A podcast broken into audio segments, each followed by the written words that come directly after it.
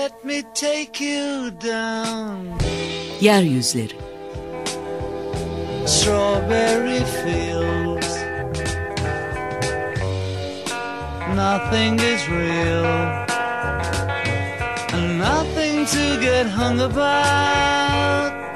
Strawberry fields forever. Kentin çeperi ve çeperdekiler Let me take you down, cause I'm going to.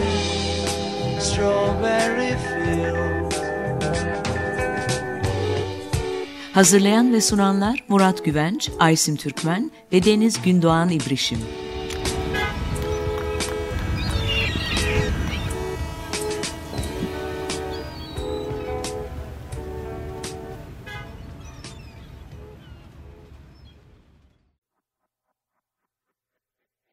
Yeryüzlerinin Kentin Sineması, sinemanın kentinde Deniz Türker'le birlikteyiz. Hoş geldin Deniz. Hoş bulduk. Sinema tarihinin e, bizleri en çok etkilemiş olan filmlerinden bir tanesi olan Kıyameti konuşuyoruz. Doors grubundan bu son parçasıyla, This is the End parçasıyla başladık. Apocalypse Now filminin, Kıyamet filminin de giriş parçasıydı. Evet Deniz, neden bu filmi seçtik? Aslında bu filmi seçmemiz e, bizim e, ortak ilgi alanımızdan da kaynaklanıyor. Yeraltı üzerine düşünüyoruz bir süredir. E, yeraltı kavramının e, farklı farklı tezahürleri veya işte nelerle bağlantılandığı üzerine kafa yoruyoruz. Daha önce de zaten hani çizgi romanda yer altına bakmıştık. Şimdi de sinemada herhalde sinemada da yani doğrudan yeraltı değil ama görünenin altı yani görünenin ötesindeki ne herhalde en güzel örnekleyen filmlerden biri veya sanat eserlerinden biri e, Kıyamet filmi. Edebiyatta baktığımız yer altında bir de sinemada bakalım dediğimiz için e, hemen aklımıza Apocalypse Now geldi. Aslında edebiyata uzanan bir film bu çünkü bu bir uyarlama. Joseph Conrad'ın Karanlığın Yüreği Heart of Darkness kitabından uyarlanan e, bir film Apocalypse Now. Belçika'nın Kongo'daki e, sömürgeciliğini anlatan 1890'lar Kongosu. Ha, Belçika'nın e, sömürgesi olarak burada yaşananlar, e, Belçika'nın gönderdiği işte e, şirketler ve bu şirketlerin Kongo'nun doğal kaynaklarını Avrupa'ya aktarması ve bunun üzerinden aynı zamanda e, bölgede uyguladığı hem sembolik hem fiziksel şiddeti anlatan ve e, belki daha da kritik olarak ve bence Apokalips Now'a ilham vermiş olan kısmı bu ve sömürü eyleminin sömüren failler üzerinde nasıl bir iz düşümü olduğunu da e, gösteren bir metin. Kıyamet de böyle bir metin. Çünkü biz e, Kıyamet filminde de e, çok büyük bir karanlık görüyoruz.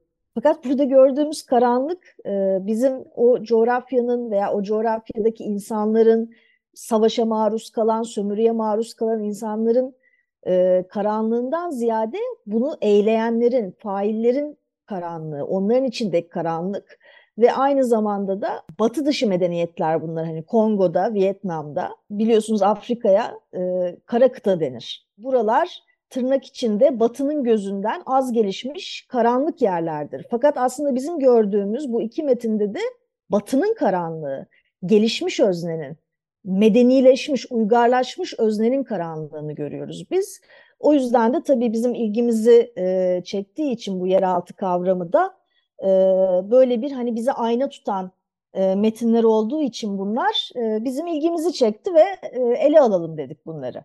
Evet, e, iki hikayede de bir yer altına doğru bir yolculuk var. Bu yolculuk bir nehirde geçiyor iki eserde de.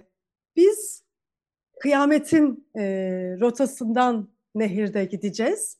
Bir Amerikan askeri özel bir görevle e, bu yolculuğa gönderilmiş olan Willard'ı takip edeceğiz.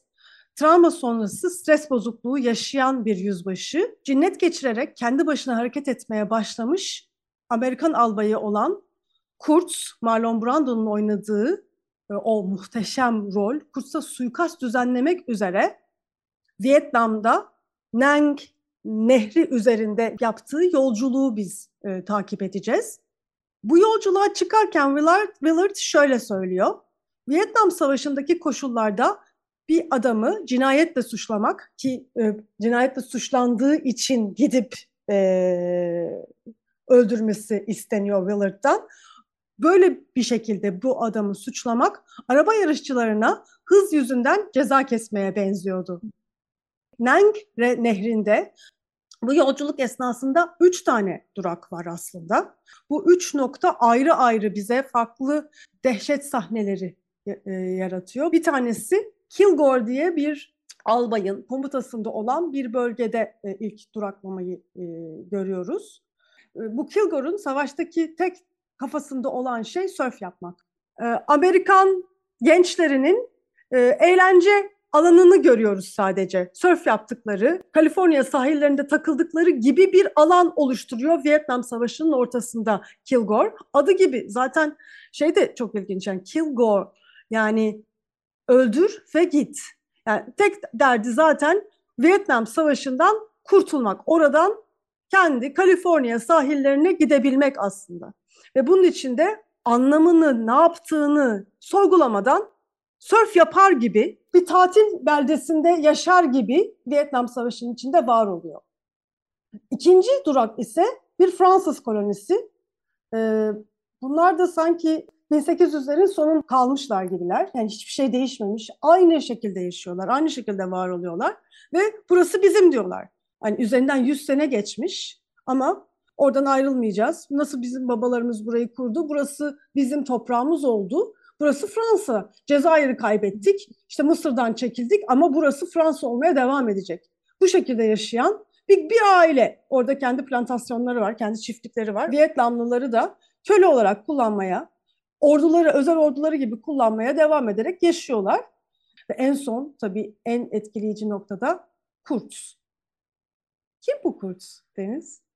Bilmiyorum herhalde sinema tarihinin ya Marlon Brando'nun da katkısı var. Çok çok az görünüyor olmasına rağmen o kadar büyük ve güçlü ve etkileyici bir oyuncu ki en orijinal, en e, üzerine düşünülmesi gereken ve bence bizi o küçük burjuva, orta sınıf, güvenli hayatlarımızda dürten, rahatsız eden bir karakter Kurtz. Şimdi Kurtz neden e, hedef alınmış durumda?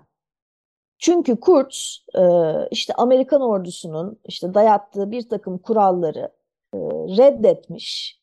Orada bir nevi kendi e, hakimiyet alanını kurmuş ve hani ordunun emir komuta zincirinden kendini koparmış bir figür.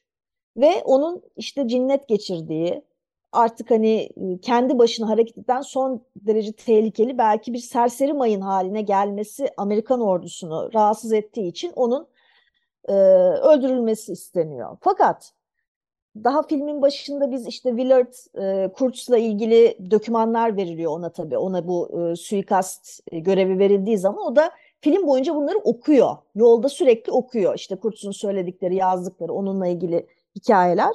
Burada önemli olan mesela hani benim dikkatimi çeken filmin çok başlarında şöyle bir şey okuyor hani Kurtz'un yazdıklarından. Ben onların korkak ahlakçılığının ötesindeyim, umursamanın da ötesindeyim.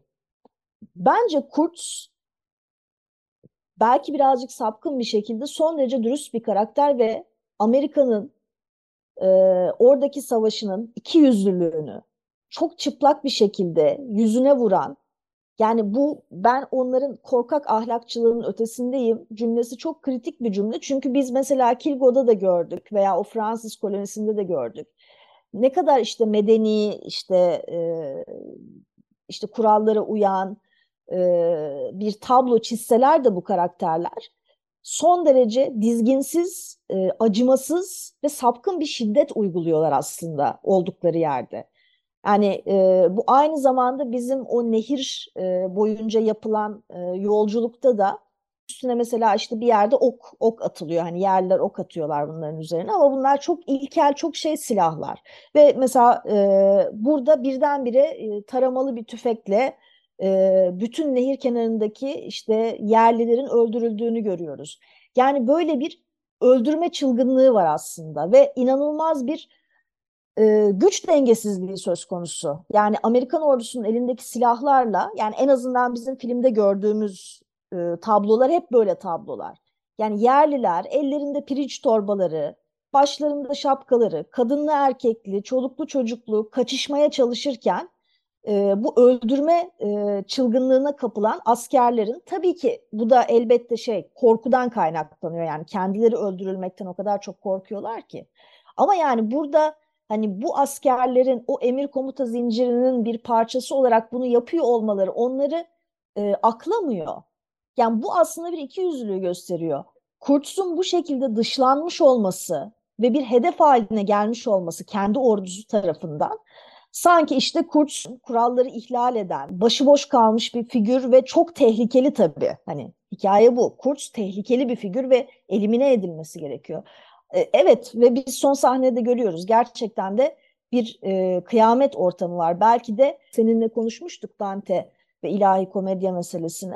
Bu serüven, Willard'ın yaşadığı serüven aslında sanki Dante'nin cehenneminde olduğu gibi kat kat aşağı inilen, kıyametin hani en dibine doğru inilen bir serüven ve biz mesela Kurtz'un mekanında diyelim hani onun oradaki yerliler üzerinde çünkü bir bir tür tanrı muamelesi görüyor. Yani herkes ona tapıyor. Kimse onun sözünden çıkmıyor. Biz ne görüyoruz orada?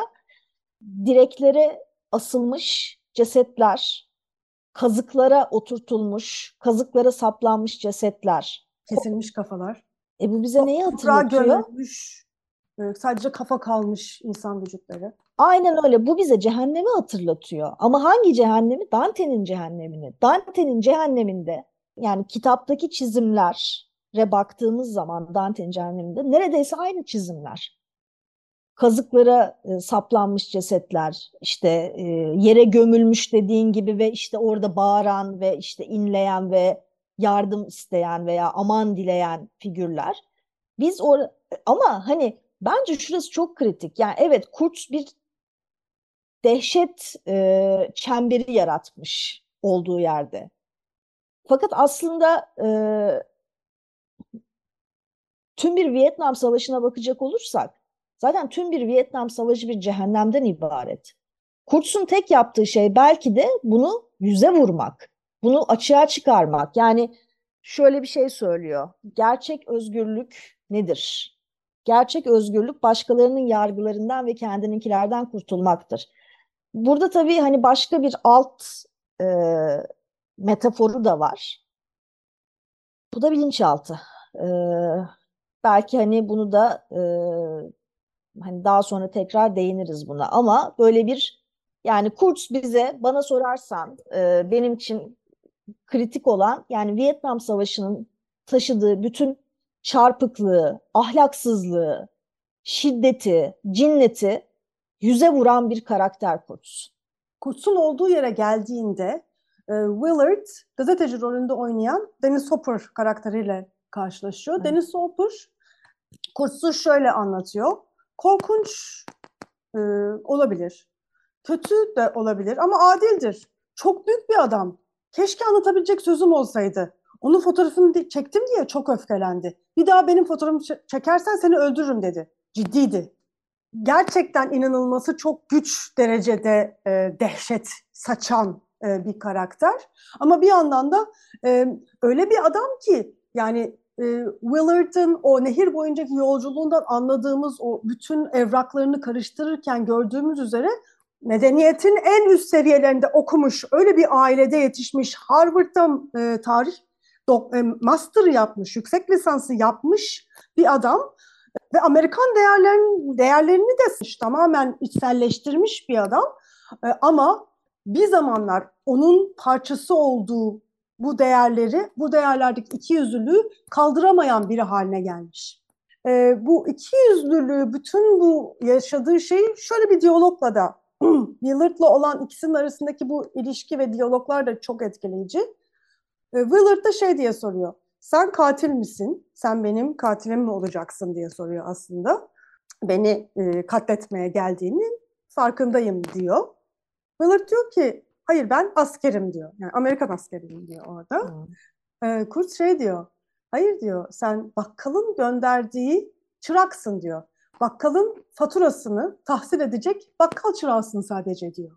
Yani burada bütün faturayı aslında bütün bu dehşetin, cinnetin, bütün bu yaşatılan e, emirlerin, bütün bu e, verilen e, saçma sapan görevlerin faturasının e, çıkartacak olan kişi Willard yani e, Kurtz'u öldürerek kendilerini aklayacak. Bütün bu Evet. cinneti olmamış gibi gösterebilecek, olmamış gibi Aynen. göstermek zorunda kalmış olan bir durum söz konusu.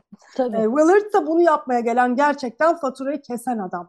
E, bu bir yandan bu e, şey de çok enteresan. Aslında bunu e, filmde e, nasıl sonlandıracağını da bilememiş. Çok çok zorlanmış e, Coppola. Ama Conrad Marlowe karakterini yani Willard'ın yerine geçmiş olan baş e, karakteri Kurtz'un sevgilisi son sözleri neydi diye soruyor Marlowe'a ve e, Marlowe Kurtz'un son sözlerinin dehşet, dehşet olduğunu söyleyemiyor. Son olarak senin adını söyledi diyor. Hmm, evet.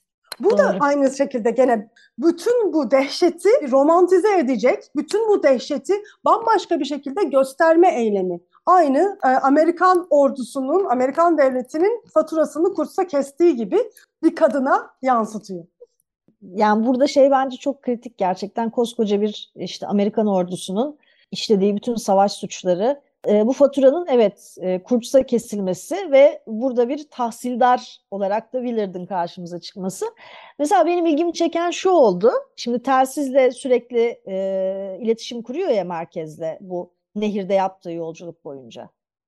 E, tabii birbirlerinin kod adları var. Merkezin kod adı ne? Muktedir. Yani Amerikan ordusunun Almighty İngilizcesi. Ee, Almighty tabirini biz ne için kullanırız? Tanrı. The Almighty God. Ama tam aslında şey yapmıyor, e, karşılamıyor. Çünkü hani muktedir'i başka şekillerde biz İngilizceye çevirebiliriz. Fakat Almighty gerçekten Tanrı'yla yani Tanrı için kullanılan bir sıfattır İngilizce'de. E, Kurtz neyle suçlanıyor? Kendini Tanrı ilan etmekle. E, ormanın derinliklerinde. Ormanın derinliklerinde bir kült kurmakla. Fakat Amerikan ordusu kendisini Almighty olarak tanımlıyor. Yani Amerikan ordusunun aslında burada tahammül edemediği şey yeni bir Almighty e, olmaya aday bir figürün ortaya çıkmış olması. Onların iktidarını tanımayan yeni bir figür. Ha bu bu figür e, şu da değil ama hani onların iktidarını tanımayıp işte Vietnamlıların tarafına geçip işte taraf değil öyle bir şey de yok burada. Çünkü Kurtz e, tırnak içinde temiz e, bir figür değil zaten. E, ve böyle bir iddiası da yok. Bu çok kritik bence. Böyle bir iddiası yok. Ya işte hani bu savaş çok büyük bir haksızlık. Biz Vietnamlılara işkenceler ediyoruz. işte bu halkı öldürüyoruz. Neredeyse bir soykırım yapıyoruz falan demiyor. Ee, ve aslında e, sürekli olarak e, üstüne bastığı işte ben işte özgürlük nedir? Yargılardan bağımsız olmaktır. İnsanların yargılarını önemsememektir. Ee, ahlaklı olmak yargıla, yargılamadan ve yargılanmaktan korkmadan hareket edebilmektir. Yani biz kimi yargılayamayız? Tanrı'yı yargılayamayız. Çünkü Tanrı'nın kendi e, bizim erişemeyeceğimiz ve anlayamayacağımız kuralları vardır. Biz sadece kabullenebiliriz. E, bence hani bu e, bu da hani ilginç bir nokta ve bunu Dante'ye bile bağlayabiliriz tekrar. Çünkü sonuçta hani Dante e, cehennem, Araf ve cennetten bahsediyor. Yani bir hani dini bir mesele var ortada. Krallık tabiri de çok e, aslında krallık sözcüğü de birkaç yerde geçiyor. Kurt kendi krallığını kurdu. İşte burası krallığın sınırları. İşte krallığa buradan giriliyor falan. Yani böyle bir e, aslında bence Kurtz'la birlikte bize gösterilen o e, bir takım işte süslü püslü dekora, dekoratif unsurlarla haklılaştırılmaya veya gerekçelendirilmeye çalışılan savaşın çıplak şiddeti, irasyonelitesi ve karanlığı. O karanlığı herhangi bir şey olmadan, özür veya bahane olmadan, çünkü kendini kesinlikle böyle şeylerle e, temize çıkarmaya çalışmıyor Kurtz. Ben bunların ötesindeyim diyor. Ama acaba şey de bunların ötesinde değil mi aslında Amerikan ordusu da? Veya Vietnam Savaşı da böyle bir şey değil mi? Kendinde bu hakkı görmek, bir ülkeye gidip işgal edip orada neredeyse soykırıma varacak davranışlarda bulunmak. Ama biz bunu tabii ki bir politik söylem içinden görüyoruz. İşte Efendimiz oradaki yani her zamanki hikaye biliyorsunuz biliyorsun yani bunlar böyle neredeyse 10 yılda bir falan Amerika tekrarlıyor bunları. İşte biz oradaki halka demokrasi götürmek istiyoruz, onları özgürleştirmek için yapıyoruz bunları vesaire vesaire. Ama ortada çok ortada çok büyük bir çirkin çirkinlik var. Yani odadaki fil aslında savaş, insanlar ölüyor, kıyım var. Belki de insanlık dışı diyeceğim fakat bunu derken de dilimi ısırıyorum. Çünkü buradan tekrar bilinçaltı, subconscious'a dönüyoruz birazcık. Ve hani subconscious meselesini yani bilinçaltı meselesini azıcık deşersek yani Freud'dan itibaren yani biliyoruz ki bilinçaltı karanlık bir yer. Çok karanlık. Adeta bir çamur. Programın ikinci bölümünde karanlıkta devam edeceğiz. E, istersen oraya girmeden önce, karanlığın derinliklerine girmeden önce hı hı. bir kısa müzik arası verelim. E, Apocalypse Now, Kıyamet filmini Deniz Türker'le konuşuyoruz. Rolling Stones'tan şimdi dinliyoruz. Filmde geçmiş olan bir müzik parçası bu. E, Satisfaction. Rolling Stones'tan dinledik. Satisfaction. Yeryüzlerindeyiz. Kentin sineması, sinemanın kenti programını yapıyoruz. Deniz Türker'le birlikte. Francis Ford Coppola'nın Kıyamet filmini ve Joseph Conrad'ın Karanlığın Yüreği kitabını konuşuyoruz. Filmin nasıl çekildiği de etkileyici bir hikaye. Bu hikayeyi de belgeselleştirmiş olan bir film daha var. Karanlığın Yürekleri, Hearts of Darkness diye. Coppola'nın, karısı Eleanor Coppola'nın e, çekmiş olduğu ham görüntülerden ve e, tuttuğu notlardan e, yola çıkarak yapılmış bu belgesel. Sadece bir film belgeseli değil, bambaşka bir yere sürüklüyor bizi. İnanılmaz bir, e, kendi de başlı başına bir film, e, e, yaratıcı bir film haline gelmiş bu belgesel. Neden bu kadar güçlü e, diye sorduğumuzda prodüksiyonun hem Coppola'yı hem oyuncuları hem bütün set ekibini nasıl bir şekilde etkilemiş olduğu, nasıl kendilerini cinnet geçirecek hale getirmiş olduklarını fark ediyoruz. Hem e, o, bulundukları doğa, hem e, Vietnam Savaşı'nın son dönemlerini yaşıyor olmak, hem çekimin düşünülen bütçeyi kat be kat aşması, düşünülen süreyi 6 hafta diye gidiyorlar, aylar sürmesi, Coppola'nın ve bütün ekibin bir mücadeleye girmesine e, hem kendileri için hem film için e, sebep oluyor. Coppola bunu şöyle e, ifade ediyor. Amerikan ordusunun Vietnam'a girmesi gibiydi bizim Filipinlere de gitmemiz. Bütün ekipmanımız, bütün büyük bütçemiz, bütün konforumuzu garantileyerek oraya e, gitmiştik. Ama e, aynen Amerika'nın orada oluşu gibi biz de bütün bu imkanlara e, rağmen korkunç bir e, hale geldik. Vietnam Savaşı'nın üzerine bir film çekmek değildi sadece yaptığımız. Biz savaş haline geldik. Film de kendisi bir savaşa dönüşmüş oluyor. Bu e, dehşeti filmin kendisi de yaşamaya başlıyor. Coppola'nın film çekimlerinden sonra akıl hastanesine e, yattığını duymuştum. Martin Sheen 37 yaşındayken kalp krizi geçiriyor. Yani hakikaten e, insanlığın sınırlarına gidiyorlar filmi çekerken. Apocalypse Now yani şimdi kıyamet diye e, çevirebiliriz filmi aslında birebir tercümesi. Ama o dönemin gazetelerinde Apocalypse Later diye geçiyor. Yani beklenilen tarihten yıllar sonra film çıkabiliyor. Bu belgeselde de bir yaratıcı beynin girdiği yeraltı, oranın derinlikleri, insan olmanın derinlikleri ve cinnet cinnete doğru evrilişimiz. Bu yeraltı ile ilgili konuşmaya başlamıştık. Bu karanlık, bu dehlizler, bu cinnete doğru giden yol, nehrin en son noktası neresi? Hepimizin içinde olan fakat hiçbirimizin yüzleşmediği gerçeklik ya da gerçekliğimizin bir boyutu diyelim. İnsan sadece hani kötü ve vahşi güdülerden oluşan bir e, yaratıktır gibi bir şey de söylemek istemiyorum. Fakat bunun bizim doğamızın bir parçası olduğu da kesin. Bu bir yolculuk filmi değil mi? Bu bir yolculuk filmi, bu bir yol filmi.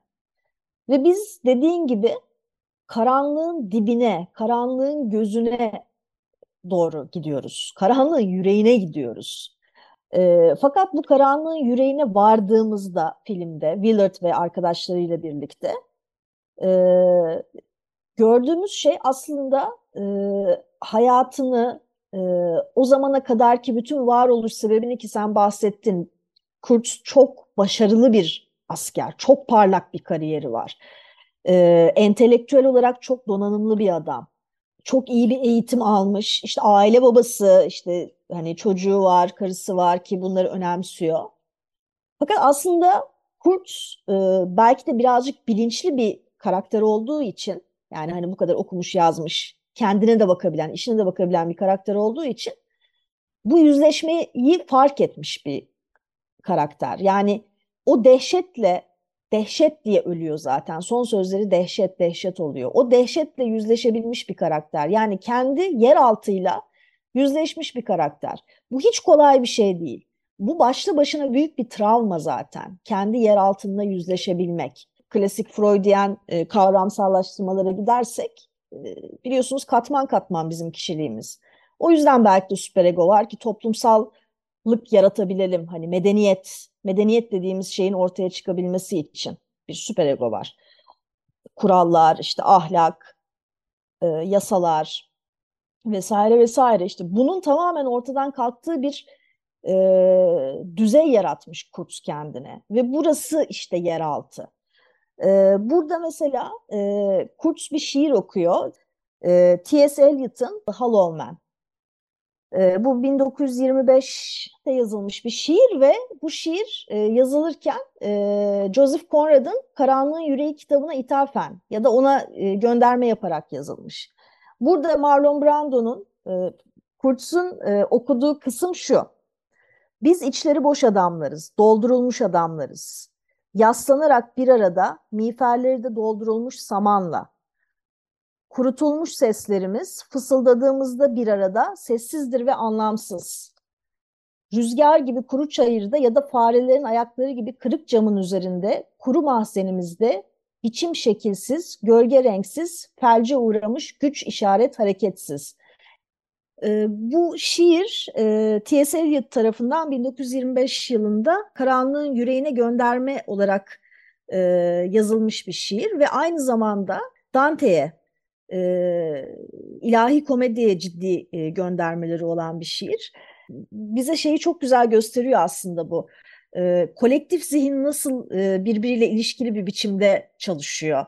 Yani metinler sürekli birbirlerine açılıyorlar, birbirlerine gönderiyorlar, birbirlerine gönderme yapıyorlar ve bunların üstünden işte senin dediğin gibi Karanlığın Yüreği 1890'larda yazılmış ki biraz daha öncesini zaten anlatan bir metin. Onun üzerine 1925'te böyle bir şiir yazılıyor.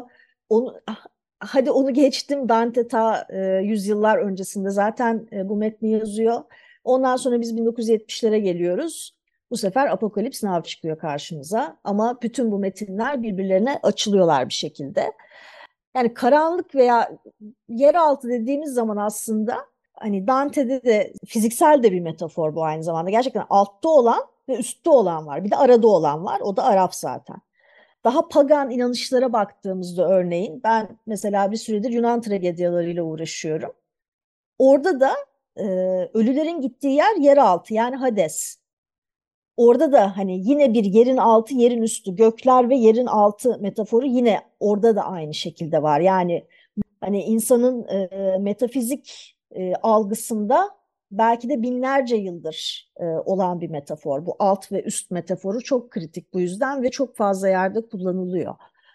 Ama mesela şu benim ilgimi çeken bir durum. Hani dedim ya hani Almighty, e, Almighty meselesi önemli yani. Orada bir hani Tanrı'ya rakip yeni bir Tanrı mı çıkıyor? Bizim buna tahammülümüz yok. Bunun hemen elimine edilmesi lazım falan gibi. Fakat aynı zamanda e, bir şey de var. Hani Amerika emperyal bir güç, emperyal bir tırnak içinde krallık diyebiliriz. E, fakat burada Kurtz da kendi krallığını kuruyor. Çünkü hatta bu yanındaki gazetecinin söylediği şöyle bir şey var. Ee, buradaki karakterler ölümün krallığına geçenler. Ee, Kurtz'un krallığı. Kurtz'un krallığı aslında ölümün krallığı. O etraftaki e, cesetler, işte ne bileyim parçalanmış, yere gömülmüş, kaza geçirilmiş, e, kafası kesilmiş bedenler veya sadece kafalar aslında bize zaten e, var olan o yer altının Dante'nin bahsettiği cehennemin bir tasviri. Adeta e, biz ilahi komedyada cehennemi okurken gördüğümüz çizimleri görüyoruz Coppola'nın filminde. Kurtz'un krallığını gösterirken, Kurtz'un e, hakimiyet kurduğu bölgeyi gösterirken aslında orası yer altının ta kendisi. Orası tam da e, işte karanlığın yüreği belki de karanlığın gözü yani oraya bakmak karanlığın gözünün içine bakmak. Hani e, karan yani çok uçuruma çok fazla bakarsan uçurum da döner sana bakar hikayesi. Yani o da dönüp sana baktığı zaman işte orada e, gerçekle yüzleşme anı ve bu çok yıkıcı bir an oluyor. E, ve bu zaten e, sen en başta da söyledin. E, Willard e, travma sonrası stres bozukluğu yaşayan bir figür zaten hali hazırda e, parça parça bir adam aslında parçalanmış bir adam sağlıklı değil. E, fakat bu yaptığı yolculuk onun içindeki o parçalanmışlığı, belki anlamsızlığı, işte savaşın anlamsızlığı, yaptıklarının anlamsızlığı, bulunduğu şiddet eylemlerinin anlamsızlığını kişisel bir nevroz olarak yaşarken Kurtz'un o küçük e, krallığını gördüğü zaman bununla e, yüzleşmiş oluyor aslında. Yani gerçekten her şeyin ne kadar anlamsız olduğunu, bütün bu yapılanların bu karanlık meselesiyle insanın içindeki e, eylemin kendisindeki karanlığın güdüsüyle e, yapıldığıyla aslında yüzleşmiş oluyor ve bu yüzden de bir müddet en azından mesela gider gitmez öldüremiyor Kuts'u. Onunla işte birazcık zaman geçiriyor, sohbet ediyor. Çünkü aslında ne yapacağını şaşırmış vaziyette ve benim mesela çıkardığım şey e, şu, e, Kurt zaten öldürülmek istiyor ve buna hazır. E, o son sahnedeki e, öldürülme e, sahnesi de zaten çok sert bir sahne başlı başına. Çünkü dışarıda bir, bir takım ritüel yapılıyor hani oranın yerlileri tarafından ve bir e, hayvanı e, canlı bir şekilde kurban ediyorlar. Yani biz bunu izliyoruz maalesef. Çok e, gerçekten vahşi bir sahne. Yani bıçaklarla e, ve içeride aynı şekilde Willard da Kurtz'u kurban ediyor. Fakat burada aslında Kurtz kendi kendini kurban ediyor. Willard sadece bir araç orada. Dedik ki en başta ben sadece bir askerim, sen sadece bir askersin.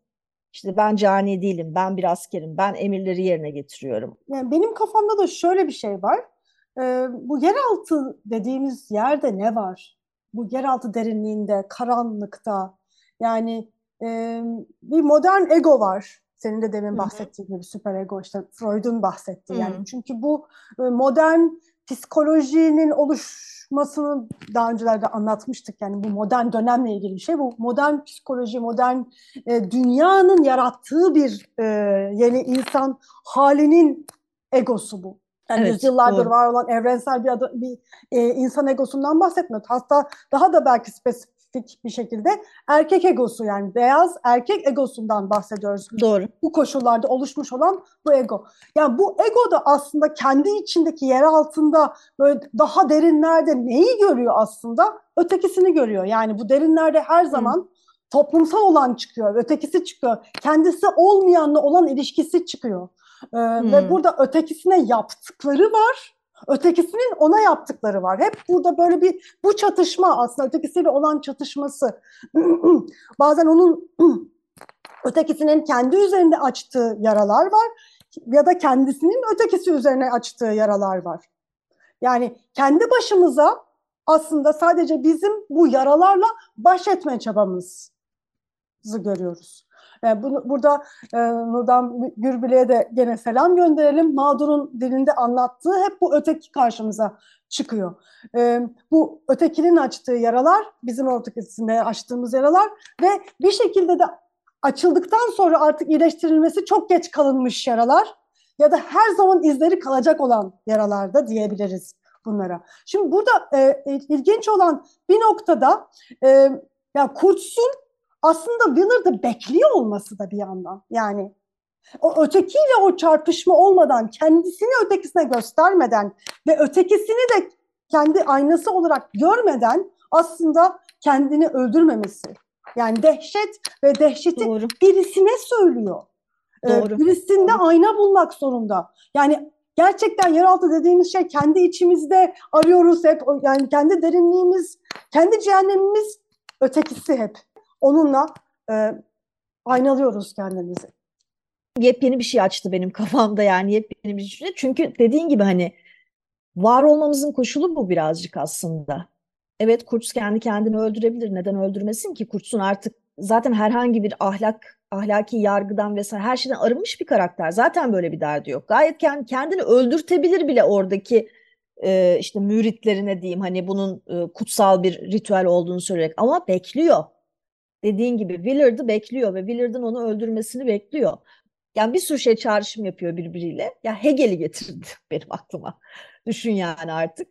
Ee, bir tanınma hani meselesi. Efendi köle diyalektiğinin tabii girmeyeceğim ayrıntılarına da oradaki hikaye şudur. Bir tanınmadır. Ötekinin seni tanımasıyla sen var olursun zaten. Yani tek başına e, yapabildiğin bir şey değil var olmak. Belki hatta şöyle bir şey de diyebiliriz. Yani insan kendi içindeki, kend, yine kendisi olan ötekiyle de karşılaşıyor. Yani çünkü insan da tek boyutlu bir varlık değil elbette.